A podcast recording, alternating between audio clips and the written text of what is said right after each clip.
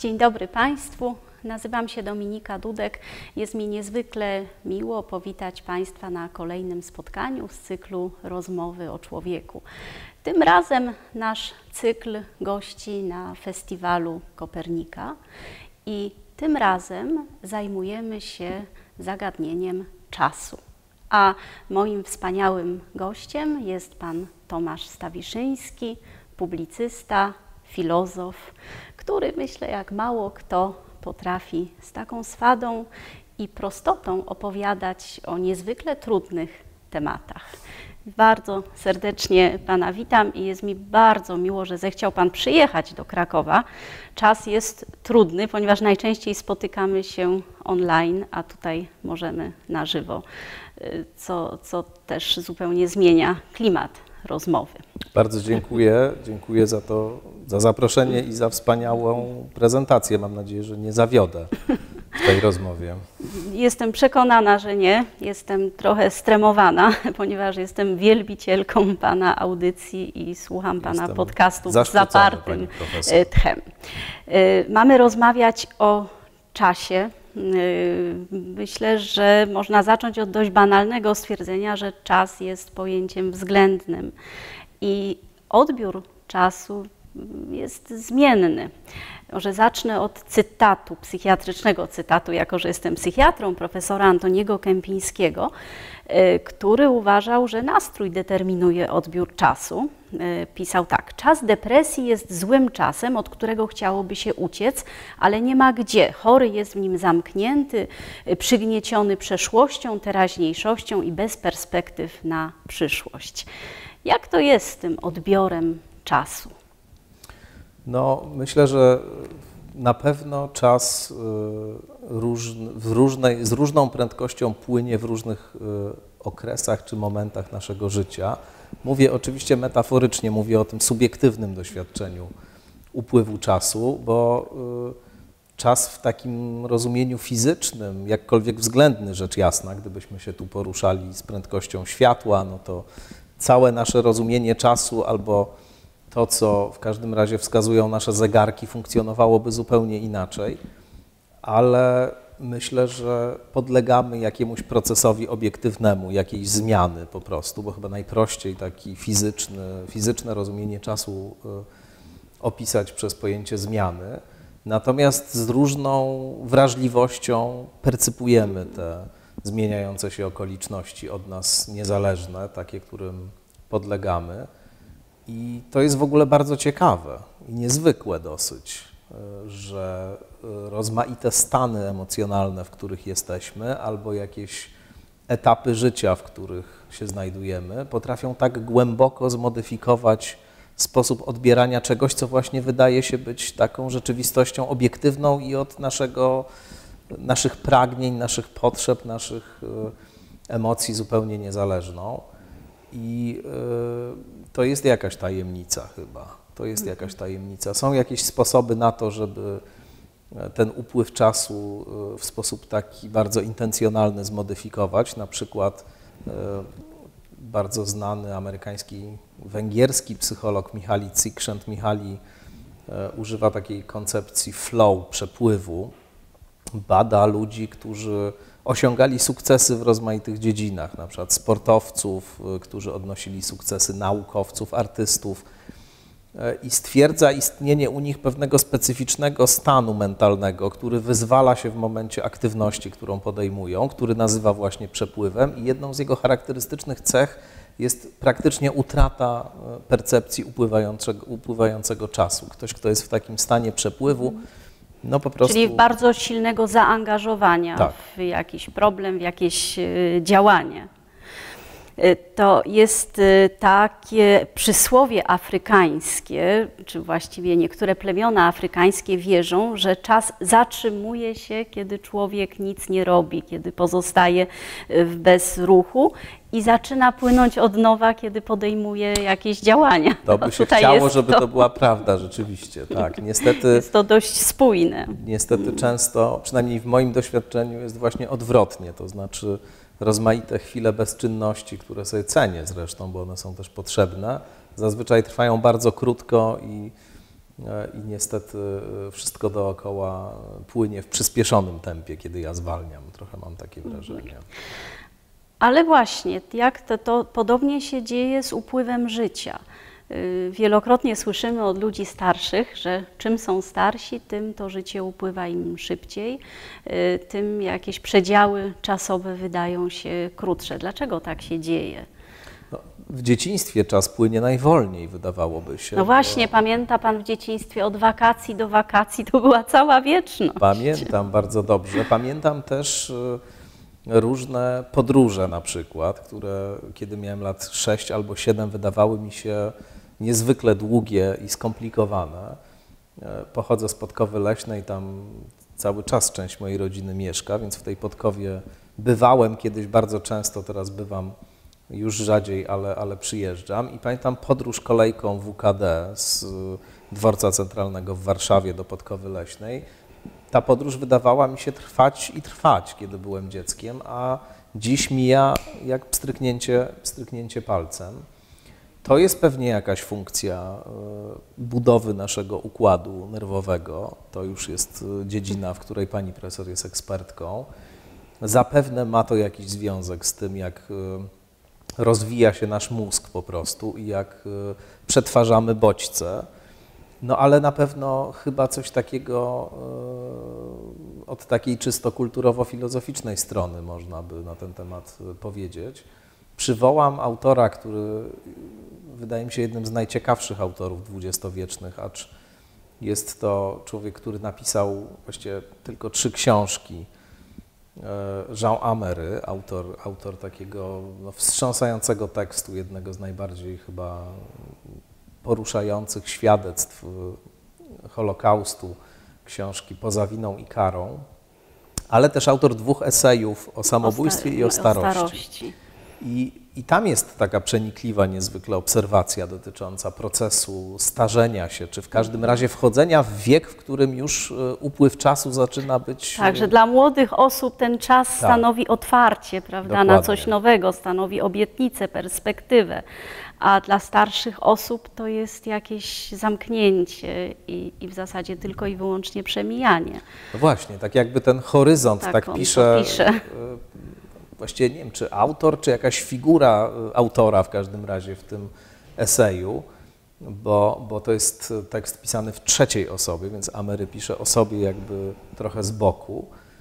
I to jest człowiek właśnie, który wkracza w takie mniej więcej lata, y, mniej więcej około 50 lat ma w momencie, kiedy zaczyna, 50 kilku, kiedy zaczyna ten tekst pisać i, i dostrzega, że y, percepcja czasu się modyfikuje, że kiedyś właśnie czas był taką przestrzenią nieograniczonych możliwości, gdzieś y, otwartą całkowicie, mm, która przynosiła ze sobą cały czas jakieś nowe możliwe scenariusze, a tutaj perspektywa zaczyna, mu się, mu dom, zaczyna się mu domykać, tak jakby ten horyzont e, stawał się coraz bardziej konkretny i jakby ten odcinek do, do, do przeżycia, czy ten interwał, który jeszcze pozostał, e, no właśnie no się tak ukonkretniał, domykał. I, i Pamiętam kilka lat temu taką mm, znakomitą inscenizację w Krakowie w Teatrze y, Starym y, przedstawienia y, Grochowiaka Chłopcy. Tam zresztą Jerzy Trela grał główną rolę i pani Hanna Polony. No, znakomicie oczywiście, jak zawsze, ale ta inscenizacja była też poruszająca ze względu na to, że pojawiały się takie krótkie przerywniki nagrań, wywiadów, takich krótkich wypowiedzi osób na temat starości, przemijania, zarówno osób młodych, jak i osób starszych. To było wiele lat temu, ale do tej pory aż mnie ściska w gardle, jak sobie przypomnę taką migawkę, mocno starsza pani, która z takim zdziwieniem stwierdziła, to już, to już było, już nic innego nie będzie. Y, Muszę powiedzieć, że wiemy to, ale uświadomienie sobie tego jest y, takie niezwykle poruszające. I to jest chyba możliwe tak naprawdę wyłącznie e, w doświadczeniu własnym. To znaczy, przypominam sobie rozmowę mm, którą chyba 15 lat temu odbyłem z już nieżyjącym, a bardzo wybitnym polskim malarzem, też wieloletnim rektorem mm, łódzkiej szkoły filmowej, Jerzym Mierzejewskim, który, którego poznałem, kiedy on miał lat 87 y, czy 6 i był człowiekiem w ogóle niezwykle energicznym, chłonnym, takim żywym i bardzo ciekawym wszystkiego. I y, w tym wieku lat 87 czy 6 zachwycił się y, Ludwikiem Wittgensteinem i czytywał tego mhm. Wittgensteina namiętnie. I właśnie o Wittgensteinie rozmawialiśmy.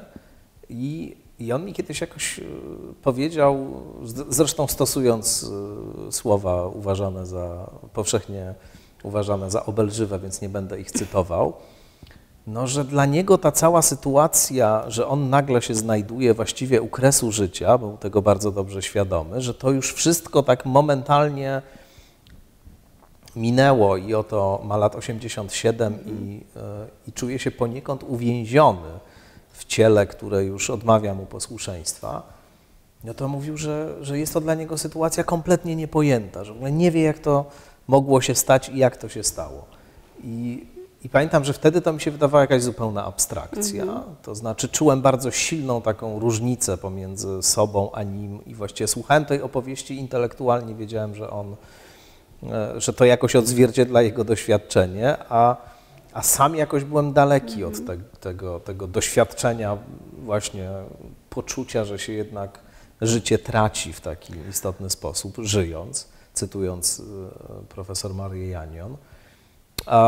Natomiast e, jak sam skończyłem lat 40, co jest taką cezurą e, kulturową, myślę, bardziej niż, niż jakoś biologiczną może, no ale jednak jest tą cezurą, to, to faktycznie zobaczyłem, że jednak y, to bardzo zmienia y, sposób y, i doświadczenia, przemijania i sposób patrzenia na, na rzeczywistość. I teraz myślę, bardziej go rozumiem. Teraz tak. myślę, że lepiej, lepiej jestem w stanie sobie wyobrazić, co on miał na myśli. Tak, i, i cezura to jest jakiś kalendarz, kończymy 40 lat, 50 lat, ale też jakieś doświadczenia i zakręty życiowe.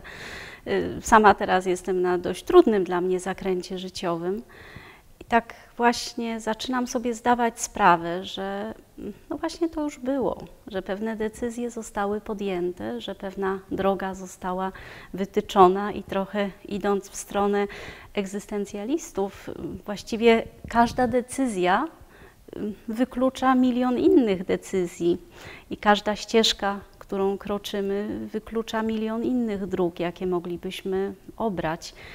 No i mm, jest w tym coś takiego nostalgicznego, trudnego, mm, czy mm, no właśnie co z tym, co z tym zrobić, jak sobie poradzić z tym przemijaniem, bo przecież żyjemy w świecie, kiedy ma być wspaniale, jesteśmy narcystyczni, mamy być najlepsi, mamy być produktywni.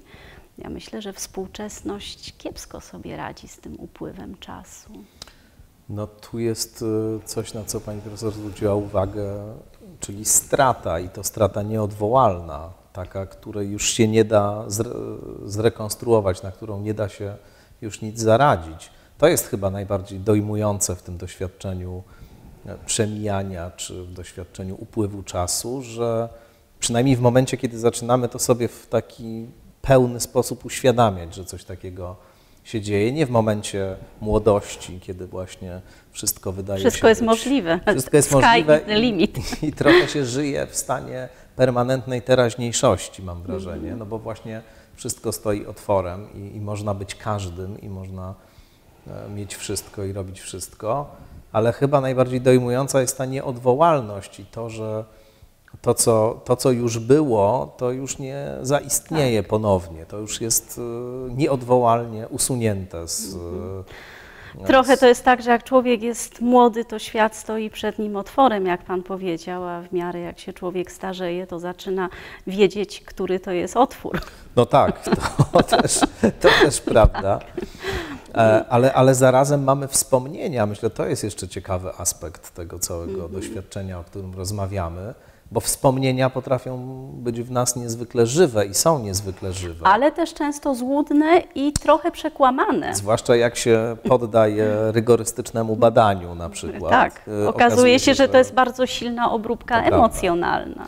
To prawda, ale na przykład kiedy tu jechałem to y, i myślałem sobie o tym, o czym będziemy rozmawiać, miałem taki moment, kiedy zobaczyłem człowieka idącego ulicą, który bardzo przypominał mi fizycznie, zwłaszcza z oddali, nie widziałem go z bliska, ale z oddali, tak, mojego zmarłego y, kilka lat temu przyjaciela, który pół życia spędził w Krakowie, wyjechał na studia z Warszawy właśnie do Krakowa i tutaj, e, tutaj mieszkał przez wiele lat i, i odwiedzałem go tutaj. E, i, no, w jednej chwili jakby do mnie wszystko wróciło. To znaczy miałem taki moment, w którym rzeczywiście e, zachwiała mi się świadomość właściwie tego, który jest rok, gdzie ja jestem. E, Trochę przeszłość i, i, i cała ta historia nasza, e, no właśnie, przestała, przestała istnieć, bo był znowu rok e, 98 i znowu była ta cała sytuacja. I, I to jest w jakimś sensie zupełnie niezwykłe. To znaczy ta relacja pomiędzy poczuciem nieodwołalnej utraty, a realnością wspomnień, nawet jeśli one nie są w sposób e, dosłowny, prawdziwe, jeśli byśmy rygorystycznie je badając stwierdzili, że e, występuje w nich mnóstwo zakrzywień, to one w znaczeniu subiektywnego doświadczenia są po prostu przemożnie prawdziwe. Ja po prostu czuję, że tak było i wiem e, i widzę to wszystko. I ta relacja, myślę, jest, jest też niezwykła. I, I to uczucie nostalgii, o którym pani profesor powiedziała, chyba właśnie w jakimś sensie w tym się, w tym się przejawia i spełnia, w tym, w tym poczuciu jakiejś tęsknoty za tym, co, co utracone, czasem za tym, czego nigdy nie było. Trochę idealizujemy Mm. y, przeszłość, prawda? To tak jak ktoś powiedział, że takie pogodne patrzenie na PRL to nie jest przecież tęsknota za komuną, tylko tęsknota za młodością.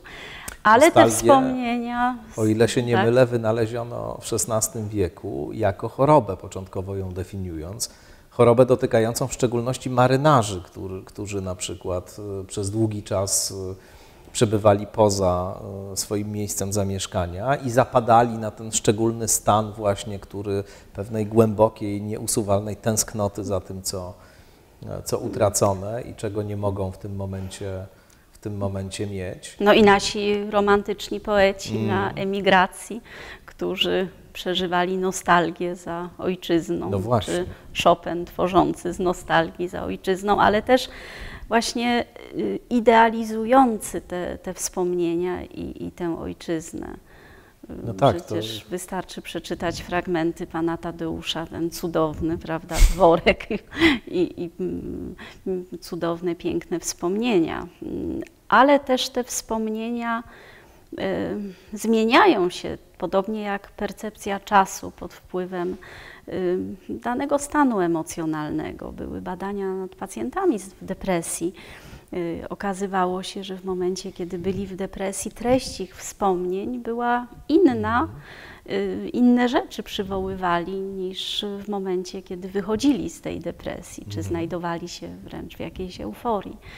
Także mm, te wspomnienia to też chyba jest jakieś połączenie realności z tym, co sobie sami stworzyliśmy. Natomiast mnie zastanawia pewien paradoks, bo mm, z jednej strony, mm, jeżeli się nudzimy, jeżeli jesteśmy mało aktywni, mało mobilni, to ten czas, tak jak y, w tej opowiastce afrykańskiej, się niejako zatrzymuje, prawda? Jeśli na coś czekamy, to ten czas się dłuży. Y, Nawet wystarczy zrobić sobie ćwiczenie, zatrzymać się i stać bez ruchu przez minutę. Ta minuta się wydaje bardzo długa. W starości człowiek zwalnia, prawda? W starości mm, zwalniają procesy życiowe, mm, jest mniej zajęć, jest mniej bodźców, a mimo wszystko ten czas przyspiesza. To jest pewien paradoks. Mhm.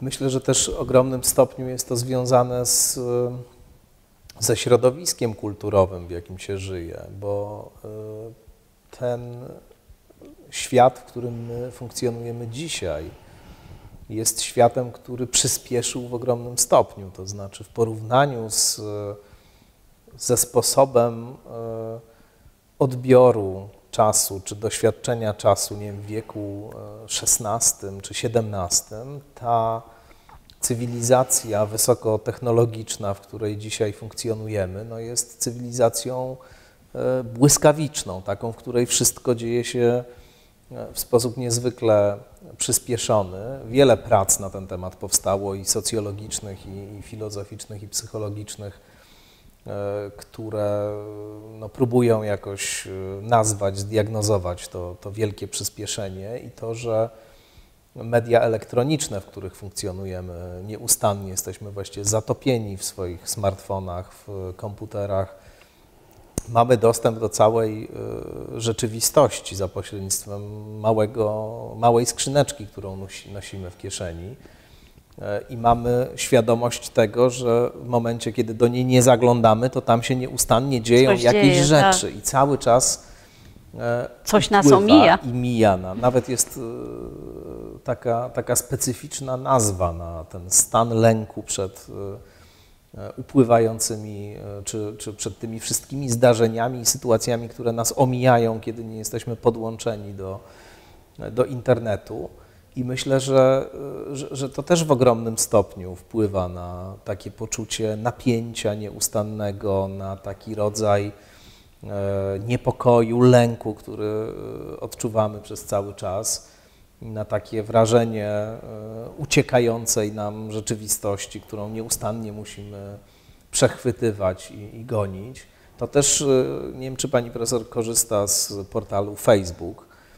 To też jest bardzo ciekawe. W czasie pandemii nauczyłam się A. korzystać. Ja byłam Facebooko-oporna, Rozumiem. ale życie mnie zmusiło. No to ta struktura też jest bardzo ciekawa pod kątem tego, o czym rozmawiamy, bo tam jest ściana, przez którą płyną kolejne mm. informacje. Od czasu do czasu tam rozmaite wiry powstają, e, intensywne, gdzie jakieś posty są udostępniane, jakieś mm. emocje E, ekspandują, zazwyczaj radykalne i, i, i niezwykle silne, bo, bo ten rodzaj medium ma tendencję do takiego podkręcania w nas różnych impulsów, a później e, wszystko przepływa dalej, później te, dzisiaj, te dzisiejsze burze stają się jutro już mało znaczące.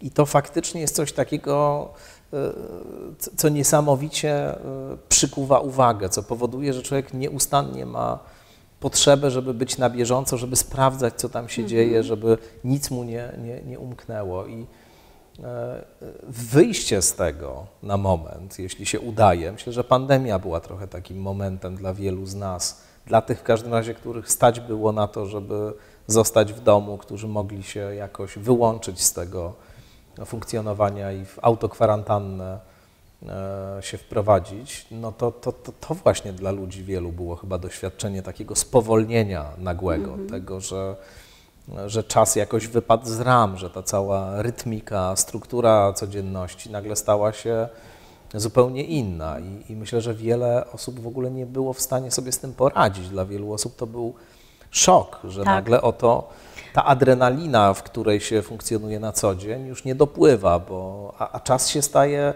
jakiś taki amorficzny właśnie, mhm. rozlany. Wiele osób, z którymi rozmawiałam, y, czy to z kolegów, czy, mhm. czy pacjentów, y, miało wtedy takie wrażenie takiego przytępienia takiego marazmu emocjonalnego.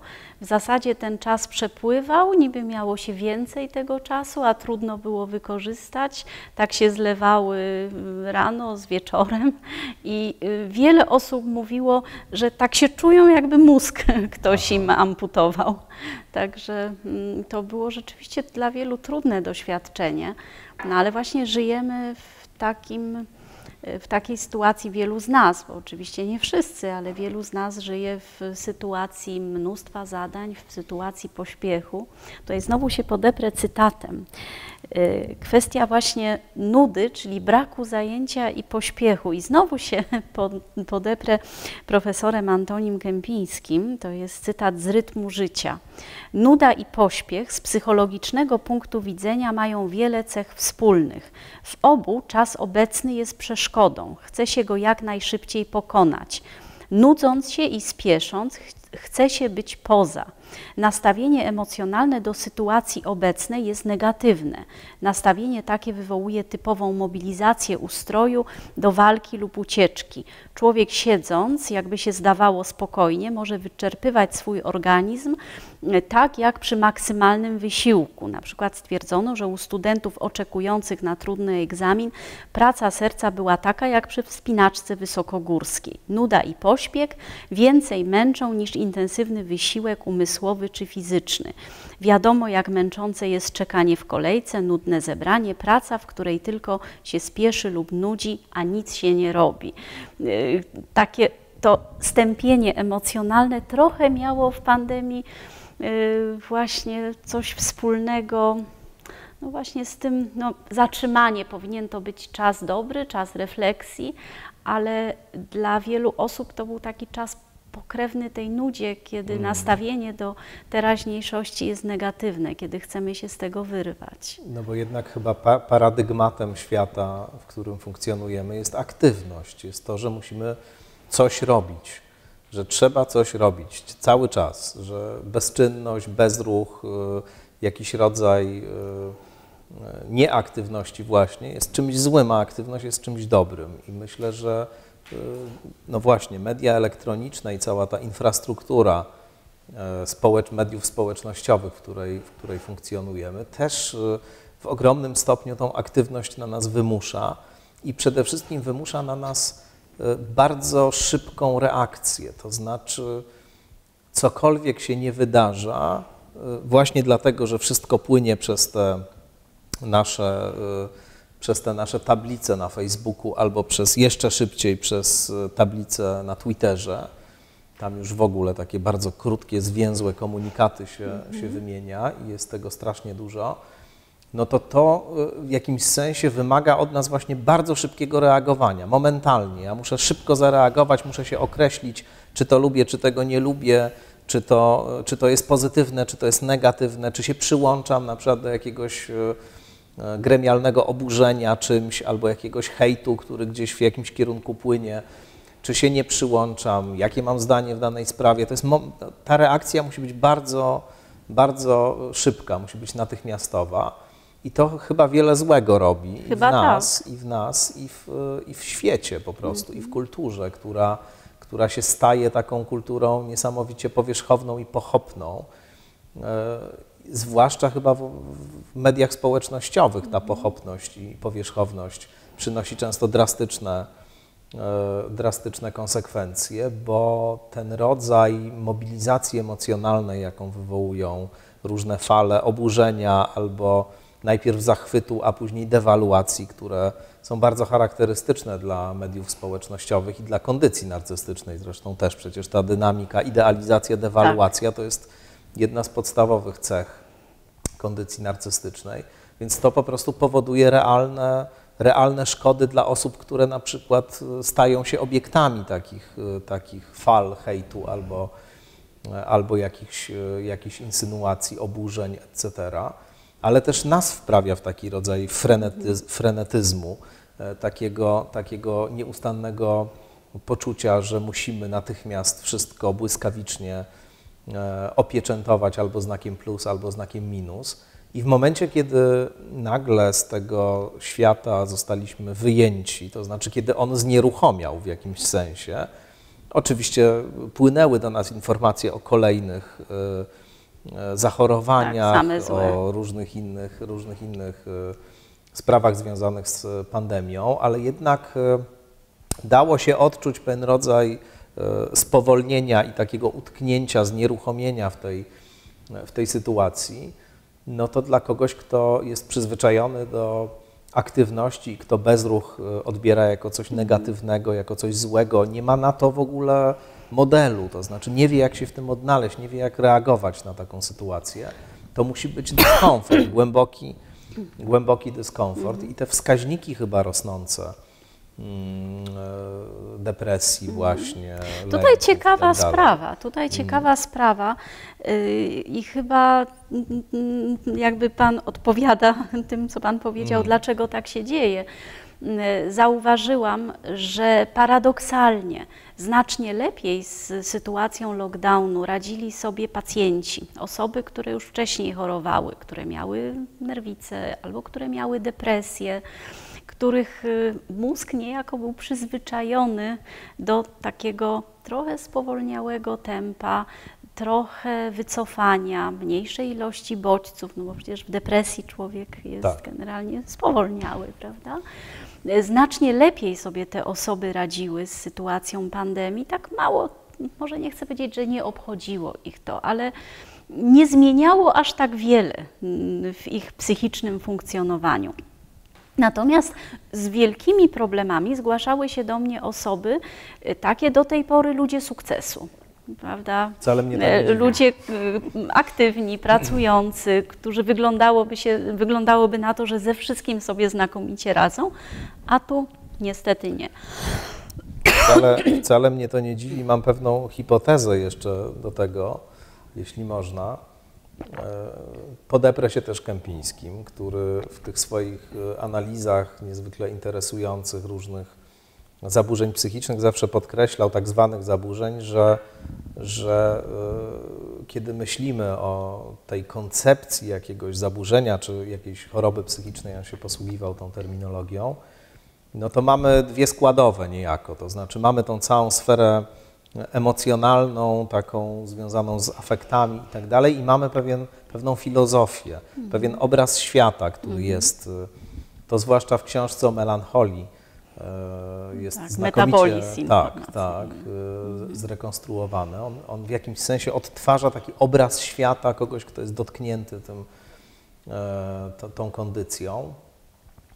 I mam takie wrażenie, zresztą jako y, osobnik y, lękowy i, y, i też z tendencjami depresyjnymi, że, że obraz świata osób, które doświadczają takich stanów, właśnie w momencie, kiedy wszystko toczy się swoim torem, kiedy świat działa doskonale i tak dalej, ten obraz świata różni się w tym sensie od tak zwanego, obrazu świata tak zwanych osób normalnych, że w doświadczeniu kogoś, kto, kto, kto przeżywa lęk, kto przeżywa depresję, e, jakieś trudne e, emocje, no, rzeczy, w rzeczywistości jest coś nie tak. To znaczy, nam się wydaje, że nie, z tym światem nie jest do końca w porządku. To nie jest tak, że wszystko jest tutaj znakomite i fantastyczne. My doświadczamy czegoś zupełnie innego w zetknięciu z tym światem. Może nas męczy właśnie ten pęd, może odczuwamy przed nim lęk, może ten imperatyw e, odnoszenia sukcesu, aktywności właśnie, tego, że musimy być nieustannie sprawni, że właściwie jak nie zarabiamy pieniędzy, to nas nie ma, bo wypadamy z tej, z tej machiny. Często w ogóle nie, nie urefleksyjniamy tego, że ten świat stoi na pieniądzach i na tym, że nieustannie musimy być w tym młynie, bo jak z niego wypadniemy, no to wypadamy z, z, z życia w ogóle. I, i myślę, że często jest tak, że, że depresja, czy, czy, czy lęki, czy różne inne e, bardzo trudne stany, z którymi się borykamy, są po prostu reakcją na to, co w świecie się dzieje, na pewną bezduszność tego świata, na jego, e, na jego opętanie e, ideą progresu, sprawności, pieniędzy s- i tak tak sukcesu. I e, tego typu e, aspekty tej rzeczywistości, tego typu wymiary tej rzeczywistości, o których powiedziałem, jej pewną bezduszność, jej okrucieństwo, jej e, egotyzm, widzą być może właśnie ci, którzy przeżywają takie stany, a ci, którzy są w tym i dobrze sobie w tym radzą, nie dostrzegają często tego, bo to ich po prostu niesie, ta fala ich niesie. I teraz w momencie, kiedy nagle ta cała maszyneria przestaje działać i nieruchomieje, to myślę, że osoby, które od dawna myślały, że coś tu jest nie tak i czuły, że coś tu jest nie tak, mogły mieć nawet pewnego rodzaju poczucie satysfakcji. A nie mówiłem. No przecież mówiłem, że coś tutaj jest nie w porządku. Mówiłem, że coś się stanie. Mówiłem, że będzie kryzys. Natomiast ci, którzy byli w środku przekonani, Na brali to bardzo tak, dosłownie, Że, że ten świat przecież funkcjonuje, to jest pewien element osadzający nas w, w poczuciu realizmu, że jak wyglądamy na zewnątrz, to tramwaje jeżdżą, ludzie chodzą do pracy i to jest pewna rama, w której funkcjonujemy. Ktoś, kto nie widział pewnej arbitralności tej ramy, no właśnie może być porażony sytuacją, kiedy ona przestaje działać. To mi się, to, to w ogóle jest ciekawe chyba z perspektywy takiej terapeutyczno-psychiatrycznej, dla której jednak punktem odniesienia i dla pewnych koncepcji normy, zdrowia, zaburzenia, mm, dla pewnego sposobu w ogóle chyba budowania jakiejś relacji terapeutycznej, ten cały kontekst, w którym ludzie funkcjonują, ten kontekst, że autobusy jeżdżą, ludzie chodzą do pracy, to jest jakiś taki, jak, jakaś taka, mm, coś, coś, w czym się zakotwiczamy, co nam też może dawać poczucie jednak pewnej stabilności. To Carl Gustav Jung w okresie swojego epizodu psychotycznego mówił, że to, co go trzymało najmocniej, znaczy jedni mówią, że epizod psychotyczny, inni, że iluminacja jakaś duchowa, ale, ale mówił, że O to, co ile jest jakaś różnica. o ile jest jakaś różnica, e, to on powiadał, że trzymało go przy życiu to, że mówił sobie, że nazywa się doktor Jung, ma praktykę, chodzi do gabinetu, przyjmuje pacjentów, ma pewną pozycję społeczną, że właśnie ta cała rama go trzymała jakoś w poczuciu, w poczuciu elementarnej stabilności. No a tutaj ta rama e, Pękła. pękła. Tak. I to też e, myślę, Ja powiedziałam, o ile jest jakaś różnica, no bo znowu to już klasyczny Tak. cytat Kępińskiego, tym, którzy więcej czują i inaczej rozumieją i dlatego niektórzy nazywają ich schizofrenikami, prawda? Zresztą to nie wymyślił tego zdania Kępiński, Kazimierz tylko pielęgniarka, tak? nie? O Pielęgniarka to jest słowo, tak, Kazimierz Dąbrowski też o tym pisał, ale to jest dedykacja zamieszczona w książce Kępińskiego Schizofrenia. Natomiast to były słowa jednej z bardzo doświadczonych pielęgniarek e, psychiatrycznych, które jakoś tam Kępiński tak bardzo mm, e, no, mm, przeniósł na papier i, i zrobił z nich pewien symbol. Natomiast e, mm, to jest to, to, to, co Pan mówi, też trochę zahacza o ten narcyzm naszych czasów, narcyzm współczesnego y, człowieka, właśnie y, narcyzm z tym pędem i z takim przekonaniem o własnej omnipotencji. I potem, gdy ten narcyzm coś nie gra, to pojawia się deprecha. Y, Czasem mówimy, oczywiście nie ma takiego określenia w klasyfikacjach psychiatrycznych, ale myślę, że jest to bardzo ciekawe zagadnienie, taka właśnie depresja narcystyczna. Osoba, która funkcjonowała na bardzo wysokim poziomie, właśnie nagle coś pęka, nagle zderza się ze ścianą, przeżywa kryzys i potem okazuje się, że nie jest w stanie i załóżmy nie ma możliwości już powrócić do pierwotnego poziomu funkcjonowania. Na przykład przestaje być dyrektorem korporacji, ale nie jest w stanie już wrócić do poziomu ciut niżej. Na przykład nie jestem głównym dyrektorem, ale dobrym menadżerem, prawda? Tylko pogrąża się w depresji i zaczyna negować już wszystko. Skoro nie jestem głównym dyrektorem, to już nie wstanę z tego łóżka i będę patrzeć w sufit. I niestety mm, chyba coraz częściej u, u naszych pacjentów coś takiego mm, obserwujemy, że jakieś to zranienie narcystyczne jest y, no, taką sytuacją, z której bardzo trudno jest potem wyjść na, na tory. Może takie zatrzymanie świata dla wielu osób też było takim zranieniem.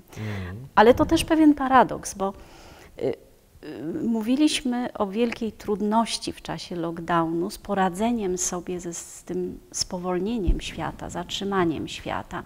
A przecież y, różni kierownicy duchowi, przywódcy religijni, czy po prostu psycholodzy radzą żeby się zatrzymywać, żeby się wyciszać, żeby medytować, żeby nie pędzić. tutaj jakaś sprzeczność. No tak, to, to, to jest trochę mm, tak, że te rozmaite środki e, uśmierzające, które się nam oferuje, często w takiej postaci instant myślę, w takiej postaci warsztatów mindfulness albo jakichś e, antystresowych e, wyjazdów tygodniowych, w których mamy się nauczyć tego, jak sobie tam jak się uspokajać i radzić tak, sobie. Oczywiście jak najszybciej się oczywiście, nauczyć no właśnie, i jak najbardziej efektywnie. No właśnie o to chodzi, właśnie o to chodzi, że one są poniekąd trochę częścią tej machiny, to znaczy one, e, rzekłbym, nawet mogą działać jak olej napędowy tutaj, to znaczy jako coś, co nas właściwie znieczula na e, rozpoznanie jakichś głębszych mechanizmów, które stoją za tym, że świat tak akurat wygląda, za tą całą architekturą. E, bo e, one często operują taką bardzo indywidualistyczną wizją e, stresu, niepokoju, lęku. Powiadają, wszystko jest w Twojej głowie, wszystko jest w, twoich, w Twoim ciele. Musisz wypracować odpowiednie techniki, żeby się tego pozbyć. Stresujesz się, nie możesz spać, jesteś w depresji właśnie dlatego, że coś jest tam z Tobą nie tak i my Cię wyposażymy w takie umiejętności, które E, które spowodują, że wrócisz na właściwy tor.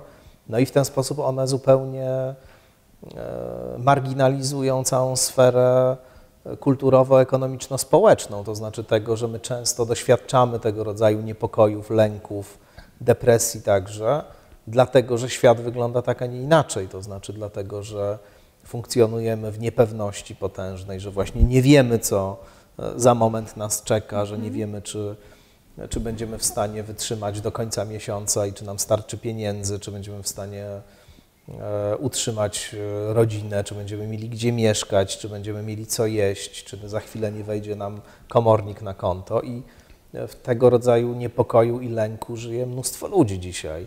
E, kryzys finansowy kompletnie rozwalił to poczucie mhm. bezpieczeństwa i właśnie też w jakimś sensie zmodyfikował poczucie czasu i myślenia o czasie, bo E, usunął trochę tą perspektywę przyszłości, to znaczy właściwie anihilował przyszłość w jakimś mhm. sensie, bo, bo jednak klasa średnia była napędzana w dużym stopniu takim przekonaniem, że pracuje po to, żeby w przyszłości właśnie sobie odłożyć pieniądze, żeby mieć, e, kupić dom, spłacić kredyt, e, kupić samochód, żeby dzieci miały lepiej niż ja i tak dalej. I nagle to wszystko w dużym stopniu zostało rozmontowane. Nagle ta bańka przyszłości pękła i dzisiaj tej przyszłości właściwie nie mamy, bo też nie mamy za bardzo wyobrażenia, co będzie. Mamy poczucie, że być może świat w ogóle się za chwilę skończy.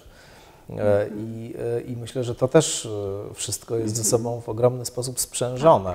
Ale czy nie tak, że my, że my jako ludzie, którzy mieliśmy szczęście żyć przez parę dziesięcioleci bez jakichś większych mhm. zawirowań, bez wojen, bez jakichś wielkich kataklizmów, czy to nie jest tak, że trochę jesteśmy w cudzysłowie wydelikaceni, mhm. bo mm, tak utyskujemy na trudne sytuacje, na dzisiejsze trudne czasy, że ten świat dzisiejszy jest pod wieloma względami taki trudny, prawda? Tutaj pędzimy, tutaj tylko dążymy do sukcesu, coś nas zatrzymuje, to, to przeżywamy tragedię. A przecież każda epoka i każdy czas miał swoje niezwykle trudne momenty. To prawda. Przecież y, no, zarazy nieraz przechodziły przez Europę. Wojny nieraz przechodziły przez Europę. Przecież nasi dziadkowie doświadczali tego, że w ciągu jednego dnia tracili cały dorobek życia i, i cieszyli się, jeśli w ogóle mm, uszli z życiem. Czy nie jest tak, że hmm, trochę za bardzo przywiązaliśmy się do złudnego przekonania, że świat jest y, przewidywalny, mhm. bezpieczny, że życie nas trochę rozpieściło, a te nasze czasy wcale nie są trudniejsze od, od y, jakichkolwiek mhm. innych. Tak, no myślę, że są inne. To znaczy, że być może właśnie to jest największe nieszczęście. E, ta narcystyczna kondycja, o której Pani wcześniej mhm. powiedziała, e, której elementem składowym jest właśnie niezdolność do przyjęcia do wiadomości straty. Jest to poczucie, że w zasadzie mam i mogę wszystko, mogę wszystko mieć, mogę każdym być kim chcę, nic mnie nie ogranicza, każde ograniczenie jest opresją, jest czymś, co jest dolegliwe, co wywołuje frustrację ogromną, co należy od siebie odsunąć i czego nie przyjmuje się do wiadomości. I w jakimś sensie być może te trudne doświadczenia, o których Pani mówi, które charakterystyczne były dla innych epok i innych generacji, chociaż nie chcę tego w żaden sposób oceniać, no bo nie, nie, nie żyłem wtedy, więc nie chcę tak jakoś lekkomyślnie tu zabrzmieć, ale, ale one w jakimś sensie poprzez to, że były właśnie trudne, że polegały na konieczności konfrontowania się z bezradnością, ze stratą właśnie, z, ze skończonością, chorobą, że to wszystko było te składowe ludzkiej kondycji, które, które są mimo postępu technologicznego i postępu nauki, wciąż jeszcze y, i prawdopodobnie jeszcze długo będą niezbywalnymi elementami ludzkiego doświadczenia, że, że tam to w jakimś sensie wszystko było na widoku. E, to się działo, ludzie tego doświadczali, musieli sobie znajdować jakieś sposoby, żeby, żeby sobie z tym radzić. Natomiast dzisiaj trochę funkcjonujemy w kulturze, która e, usunęła nam sprzed oczu te elementy, mm -hmm. która przecież już od e, ładnych kilkudziesięciu lat, to są pierwsze teksty na ten temat, to powstały w latach 50 usuwa nam sprzed oczu obrazy śmierci, hmm, przemijania, tak, starości. starości. choroby. Mhm. To wszystko gdzieś zostało zepchnięte, zaparawane, szpitalne, e, wyjęte jakby z, z kultury masowej. Te mm, obrazy, którymi, w których wyrastamy, czy w których wyrastają dzisiaj na przykład młodzi ludzie, którzy funkcjonują od początku w internecie, w tej kulturze internetowej, to są właśnie e, obrazy i pragnienia, które się w nich e, mhm. e, w ten sposób indukuje. No takiej wiecznej młodości. Tak, nawet jeśli są pokazani seniorzy, to zazwyczaj tak, uśmiechnięci, uprawiający tak, sport. i podróżujący po świecie. Ewentualnie jak coś gdzieś strzyka albo boli, no to wtedy to się od razu tabletkę, można tabletkę zażyć i to jest przechodzi. super. Y, tutaj wielokrotnie ludzie czują pani, się... Bo, bo, bo, właśnie wtedy, w momencie, kiedy taka strata następuje, mhm. to to się wali cały świat. To znaczy ta reakcja depresyjna w momencie, kiedy dzieje się coś, co jakby z pewnej perspektywy wydawałoby się nie jest żadną wielką tragedią, prawda? Co jest na przykład no, jakimś drobnym ograniczeniem, nieprzyjemnym, trudnym, niewątpliwie, ale nie takim, które by uzasadniało całkowitą odmowę życia. A zarazem w momencie, kiedy ta drobna strata następuje i nie sposób się od niej odseparować, to mhm. znaczy nie sposób powiedzieć, że jej nie ma, udać, że jej nie ma i tak dalej, no to wyłącza się cały system jakby. Mhm. Pojawia się taka, taka totalna negacja i autonegacja, no bo nie mamy żadnych kulturowych form przeżywania mhm. doświadczenia strat. No właśnie o to chciałam zapytać. Y, nieraz y, słyszymy różne relacje ludzi zaszokowanych na przykład po podróży powiedzmy do Indii y, widokiem ludzi mm, chorych, kalekich, żebrzących, skrajnie biednych, umierających na ulicach. No i prawda, szok, jak okropnie, jak można. Z drugiej strony przychodzi za chwilę refleksja, no zaraz, zaraz, u nas też są chorzy, cierpiący, kalecy, umierający, tylko właśnie oni nie leżą na ulicy, czy nie siedzą na ulicy, tylko są zamknięci czasem w ogromnej samotności, w czterech ścianach, nie mają się nawet do kogo odezwać. I może to jest bardziej szokujące niż taka kaleka osoba, która siedzi wśród innych na ulicy. Ale pytanie, czy jak to jest? Czy, czy ma Pan jakąś wiedzę albo wyobrażenie na ten temat? Czy ta sytuacja pandemii, y, jak została odebrana w tych kulturach, y, gdzie no, przemijanie, cierpienie, choroba jest na widoku publicznym, nie jest aż tak wstydliwym tematem? Mm. Nie mam na ten temat wiedzy, mówiąc szczerze. Nie wiem, jak to, nie wiem, jak to wyglądało na przykład w Indiach, jak, jak to sami mieszkańcy Indii przeżyli i doświadczyli. Mogę mieć ewentualnie intuicję, że, że w ogóle stosunek do śmierci i choroby w tych społecznościach, w tych kulturach jest inny. To znaczy ten rodzaj obsesji na punkcie wieczności i tego poczucia, że będziemy żyli wiecznie, że śmierć nas nie dotyczy, że strata nas nie dotyczy, że starzenie się nas nie dotyczy, to ten rodzaj obsesji jest chyba charakterystyczny jednak dla społeczeństw zachodnich z jego z jego też, z ich niesamowicie rozwijającą się dziedziną chirurgii plastycznej, stosowania najróżniejszych metod, żeby procesy starzenia zniwelować z, takim, z taką figurą młodego starca, to znaczy kogoś, kto już właściwie jest w wieku lat tam 70, 60, 80, kto, no, kto już wchodzi w pewien, w pewien wiek, w którym e, ludzie zachowywali się dotąd w każdym razie jednak inaczej niż ludzie w wieku lat 20-30, a teraz właściwie to się ujednolica, to znaczy mamy coraz więcej osób, które które są w takim stanie bez wieku, które są w takim trochę w takiej kondycji, którą wspomniany już tutaj Karl Gustav Jung określał mianem puer eternus, wieczny chłopiec, wieczny, -hmm. Wieczny często no, puella eterna też jest taka, taka odpowiedniczka puer eternus, czyli wieczna dziewczynka. Właśnie kogoś, kto ma poczucie, że nie podlega tym wszystkim e, procesom, kto, kto żyje w stanie wiecznej teraźniejszości, wiecznej młodości, kto się nie e, zakotwicza w świecie, nie podlega prawom przemijania w swoim subiektywnym poczuciu przynajmniej. I myślę, że to jest w ogóle kondycja, która jest bardzo charakterystyczna dla współczesnego świata. Christopher Lasch, który jest autorem książki Kultura narcyzmu w późnych latach 70. napisanej, ona się w Polsce dopiero niedawno ukazała, ale dobrze, że się ukazała, takiej bardzo klasycznej pracy. E, amerykański historyk, ale też e, te, teoretyk bardzo ciekawy, bo krytyczny bardzo wobec psychoanalizy, ale zarazem posługujący się psychoanalitycznymi narzędziami. No więc on powiadał, że pewną właśnie charakterystyczną cechą dla współczesności, taką, która odróżnia jednak współczesność od innych epok, jest e, niezgoda na przemijanie, to znaczy jest odrzucenie tego, tego faktu i zarazem wynikający z tego radykalny konflikt pokoleń. Przecież to, to w ogóle bardzo dobrze widać dzisiaj, w znacznie większym stopniu, aniżeli wtedy, kiedy Lasz to pisał, co potwierdza głębokość jego, jego rozpoznań. Ale Lasz powiadał, e, my podmiotowości narcystyczne, żyjące w późnym XX wieku,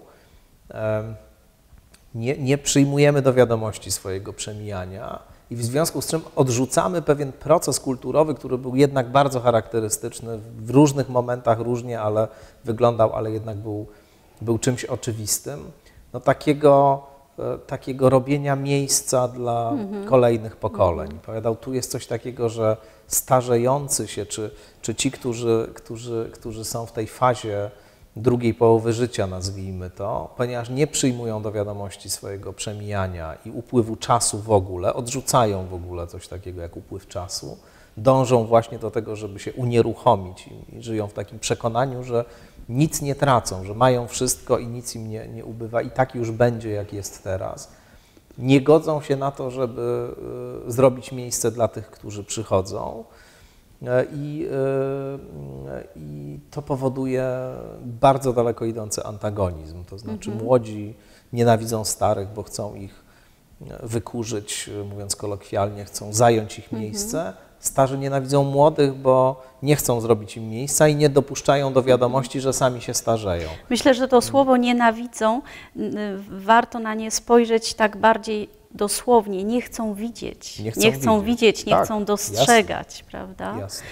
Ale też y, pandemia, która wielu osobom starzejącym się, ale jednak utrzymującym taką kondycję młodzieńców, coś uświadomiła i też słyszałam takie wypowiedzi, które też jakoś tak dość mocno mnie za gardło y, chwytały, że mm, osoby młodsze, mm, nawet powiedzmy w średnim wieku, tak jak ja, y, nie muszą się aż tak przejmować, dlatego że no jeszcze wciąż y, mają ten czas.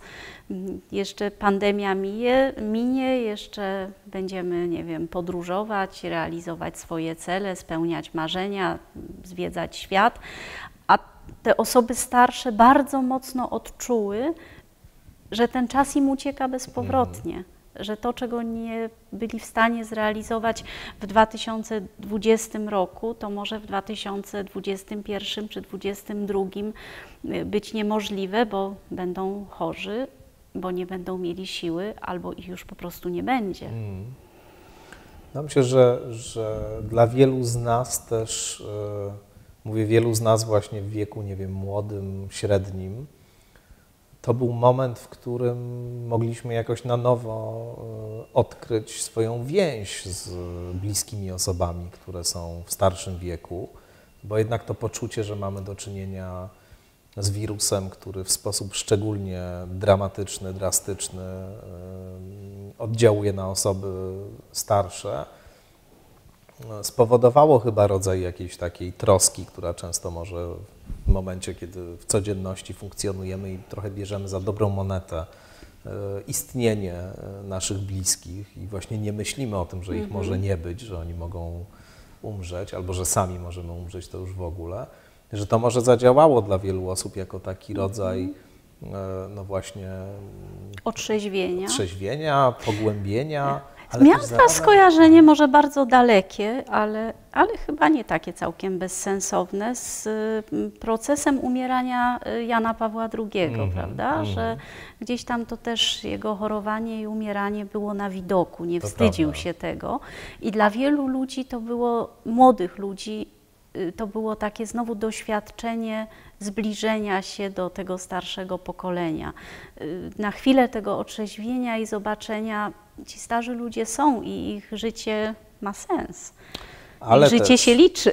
Tak, tak, ale też y, niestety, jak popatrzymy na statystyki y, pandemiczne, y, to statystyki pokazują, że właściwie najbardziej poszkodowaną grupą realnie byli ludzie, którzy byli pensjonariuszami domów opieki domów starości. Tak. Ponad połowa, tak się szacuje, wszystkich ofiar COVID-u w Europie to są właśnie e, mieszkańcy i mieszkanki tych domów, e, którzy często zostali po prostu porzuceni, to znaczy tam nie wysyłano e, sprzętu medycznego, tam nie było leków, nie było respiratorów, bo to Jest się nie taki opłacało. ładny eufemizm, nie eskalowano terapii. Nie Teraz... eskalowano terapii, nawet nie znałem, ale rzeczywiście tak. to, jest, to jest wymowne i eufemistyczne bardzo określenie. W każdym razie myślę, że to no niestety pokazało bardzo głęboko, odsłoniło pewien, pewien obszar rzeczywistości, być może dotąd niewidoczny dla wielu z nas. Taki, że to jest świat zbudowany dla silnych, młodych i sprawnych, i że jak się jest w określonym wieku, nie jest się e, e, osobą majętną, to znaczy nie jest się osobą, którą stać na e, prywatną opiekę zdrowotną i, i, i, w ogóle, która, która ma dużo pieniędzy i w związku z czym może sobie różne rzeczy zapewnić, no to skazanym się jest na, na, na śmierć po prostu. Michel Welbeck coś takiego powiedział, co zapadło mi bardzo w pamięć, bo myślę, że to jest E, że to jest głęboka myśl, że, że w zasadzie ten koronawirus robił dokładnie to, czy zrobił, czy, czy, czy, czy wzmocnił tylko pewne tendencje bardzo charakterystyczne dla e, współczesnego neoliberalnego świata.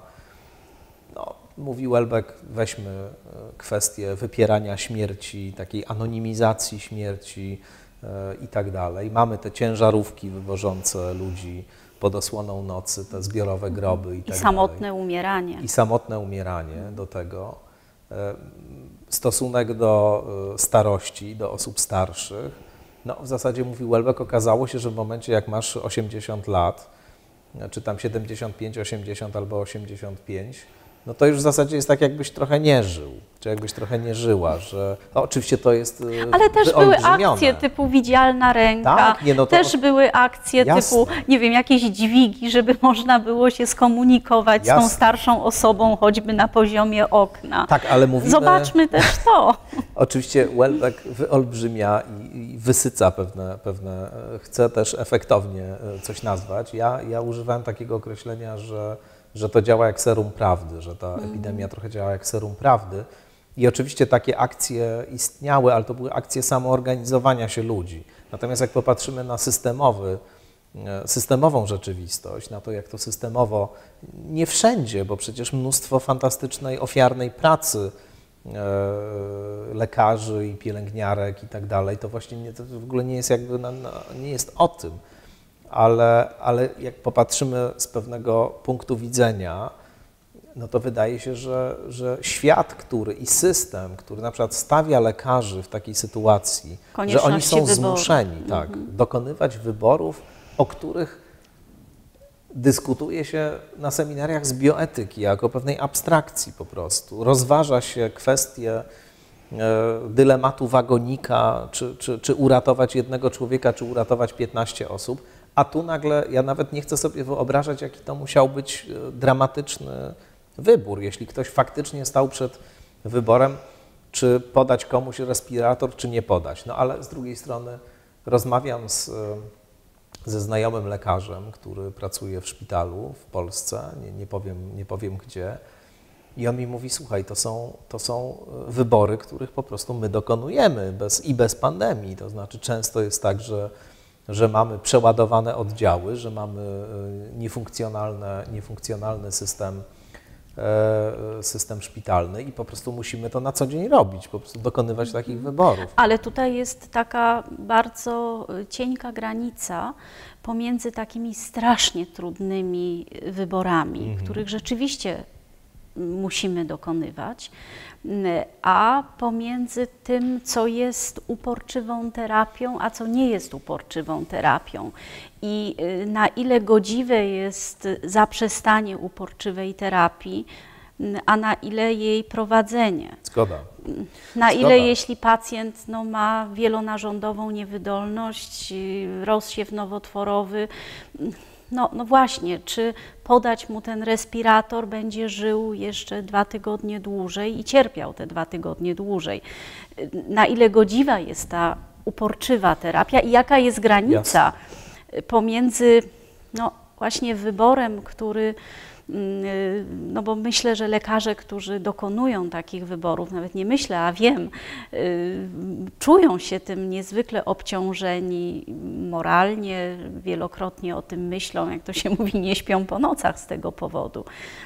Ale jaka jest granica pomiędzy takim wyborem, a y, no jednak zaprzestaniem uporczywej terapii, co jest godziwe? Tak, absolutnie, oczywiście. Nie no, to jest pewnie do ustalania każdorazowo mm -hmm. w mhm. takich, takich tak. przypadkach. Natomiast.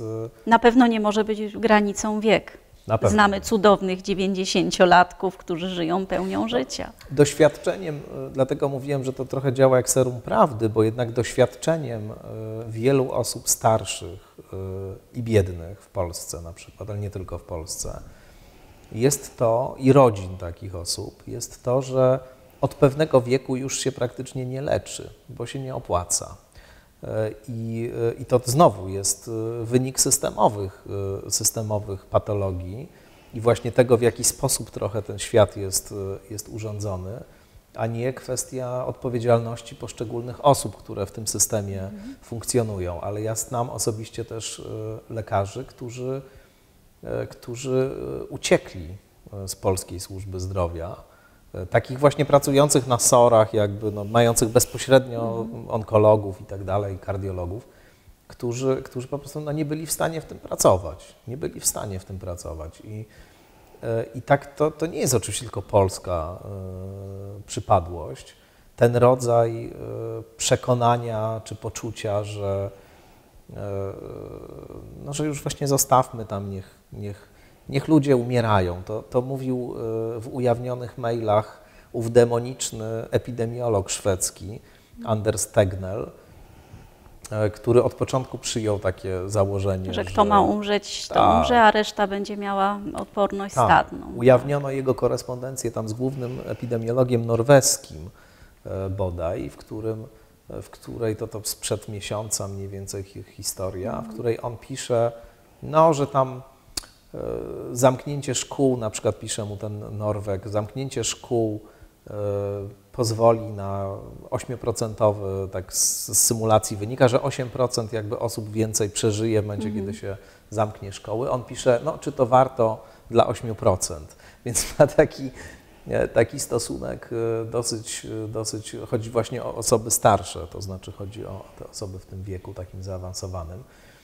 E, no nie wiem, ja, ja myślę, że, że to jednak nam coś pokazało. To znaczy, z jednej strony myślę, że, że mogło wielu z nas e, wzbudzić właśnie te emocje i te, tę świadomość, o której mówiliśmy, to znaczy ten rodzaj poczucia, że mamy wokół siebie osoby, o które być może nie, nie wystarczająco dbamy, o których nie myślimy wystarczająco mocno, albo z które, których istnienie bierzemy za dobrą monetę i myślimy sobie, że właściwie oni będą tutaj zawsze. I ta perspektywa, że nagle możemy je stracić, mm wiele w nas mogła zmienić, ale zarazem myślę, że to była dość brutalna lekcja tego, e, jak to jest być, e, jak to jest być osobą w wieku zaawansowanym w tym kraju. Ja miałem taką osobistą zresztą historię. Mój przyjaciel, którego mama choruje na nowotwór, odbierał ją ze szpitala po e, jakimś tam zabiegu e, pobrania tam próbki e, z płuc i odebrał ją właśnie w momencie dokładnie tego lockdownu, to znaczy ona też po wielu chemioterapiach, mhm. praktycznie bez odporności, została z tego szpitala wypisana z gorączką, z kaszlem, gorączką. No w zasadzie wydawało się, że, że po prostu ma tego koronawirusa. No i on później przez e, chyba tydzień próbował e, coś z tym zrobić. Miał matkę z 40-stopniową gorączką w domu, wszystkimi objawami e, COVID-u i odbijał się kompletnie od kolejnych drzwi, bo właściwie się okazało, że jak się dowiadywali, że to jest osoba 70 tam kilkuletnia z nowotworem, no to już w zasadzie jakby w ogóle nie było możliwości, żeby gdziekolwiek ktokolwiek tym się zainteresował. On opisał tę historię, dlatego o niej mówię, bo, bo ona się stała publiczna zrobił taki post na, na Facebooku i, e, i jakoś tam się udało szczęśliwie mhm. tę sprawę doprowadzić do końca i, i okazało się, że ona w końcu nie miała tego koronawirusa.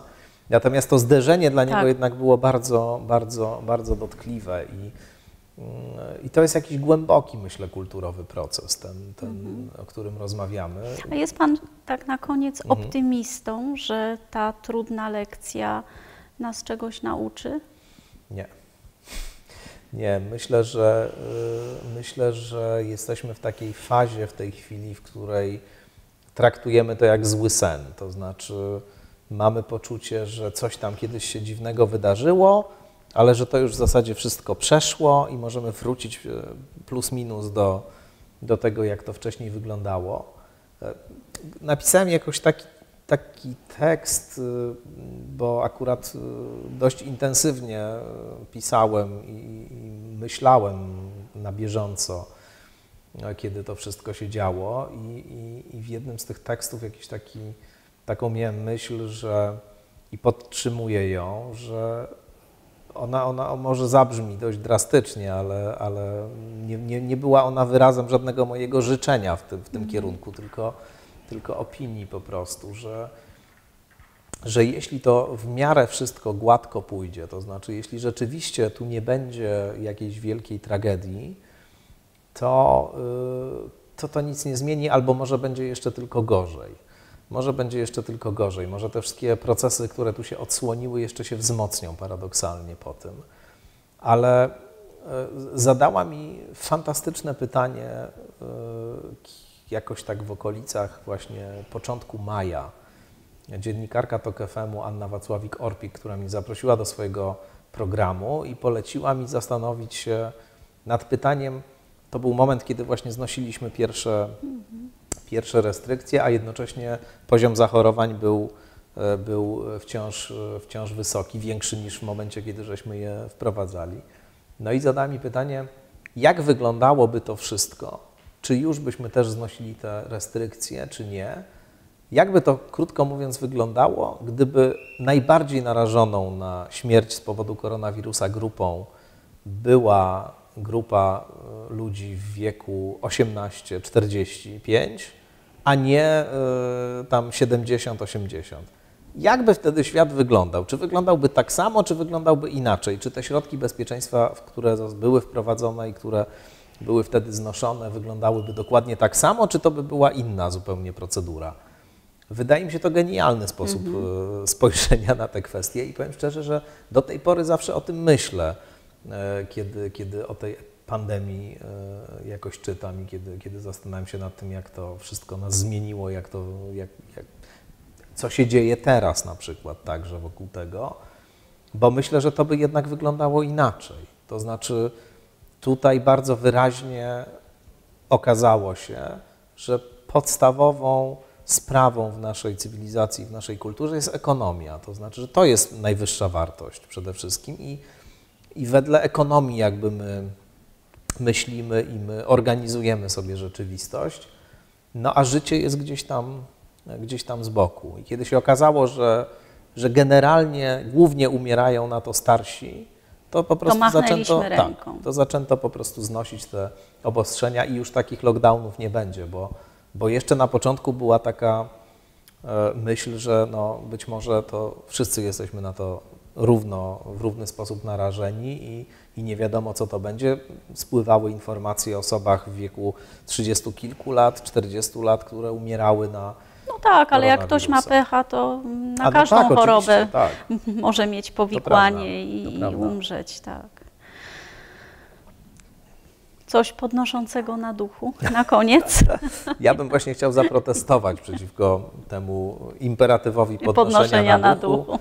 E, jeden z moich ulubionych e, autorów, taki zmarły już e, parę ładnych lat temu, amerykański psycholog i filozof James Hillman, który właściwie większą część swojego, swojej aktywności pisarskiej poświęcił tematyce melancholii i depresji. Powiadał prowokacyjnie: I don't like to feel too much healthy and happy, I need more depression. Mhm. I mówił, że w jakimś sensie widzi uh, depresję jako odpowiedź na taką maniakalną naturę mhm. tej kultury. To znaczy, że, tak. że my wprzęgnięci w ten, w, to, w, to, w ten kult sukcesu, w tę prędkość, właśnie w ten pośpiech, w to mm, przekonanie o nieskończonym wzroście, o tym, że musimy się ciągle ulepszać, doskonalić, dążyć do perfekcji, doskonałości, zarabiać pieniądze, odnosić sukcesy, że jesteśmy tym tak e, steroryzowani, że się po prostu wyłączamy i że to też jest jakiś rodzaj komunikatu i uzupełnienia mm -hmm. tego, e, tego e, maniakalnego pędu przed siebie I, i, właśnie w tym duchu chciałbym wobec tego zakończyć. Tak, sadder but wiser. Tak, tak że może zamiast właśnie takiego ciągłego podnoszenia na duchu warto przeżyć, przeżyć stratę, przeżyć lęk, przeżyć e, rozpacz, e, bo to w jakimś sensie też e, i zbliża do rzeczywistości i urealnia nam naszą sytuację i też moim zdaniem umożliwia w ogóle empatię, to znaczy dopiero kiedy uznam istnienie mojej własnej niedoskonałości, mojego własnego ograniczenia, mojej własnej rozpaczy, skończoności, bezradności, no to mogę, mogę skontaktować się z kimś innym, kto, kto jest w takiej samym, takim samym położeniu, a kiedy uważam, że to mnie nie dotyczy, to kogoś, kto jest bezradny, cierpi albo wypadł z tych ram, postrzegam jako kogoś, kto sam jest po prostu sobie winien, bo jest leniwy, bo jest głupi, bo, e, bo nie wiem, bo niewystarczająco dobrą dietę stosował na przykład, albo za mało ćwiczeń fizycznych e, i tak dalej. No więc, e, więc myślę, że, że właśnie powinniśmy trochę popłakać i porozpaczać. Myślę, że to jest dobry akcent. Nie szukajmy wszędzie tylko rzeczy pozytywnych, pędu do przodu. Postarajmy się szukać jakiejś prawdy i mądrości, którą czasem można znaleźć właśnie w smutku, w stracie, w konfrontacji z cierpieniem bardzo, bardzo serdecznie dziękuję. Dziękuję bardzo. Dziękuję bardzo.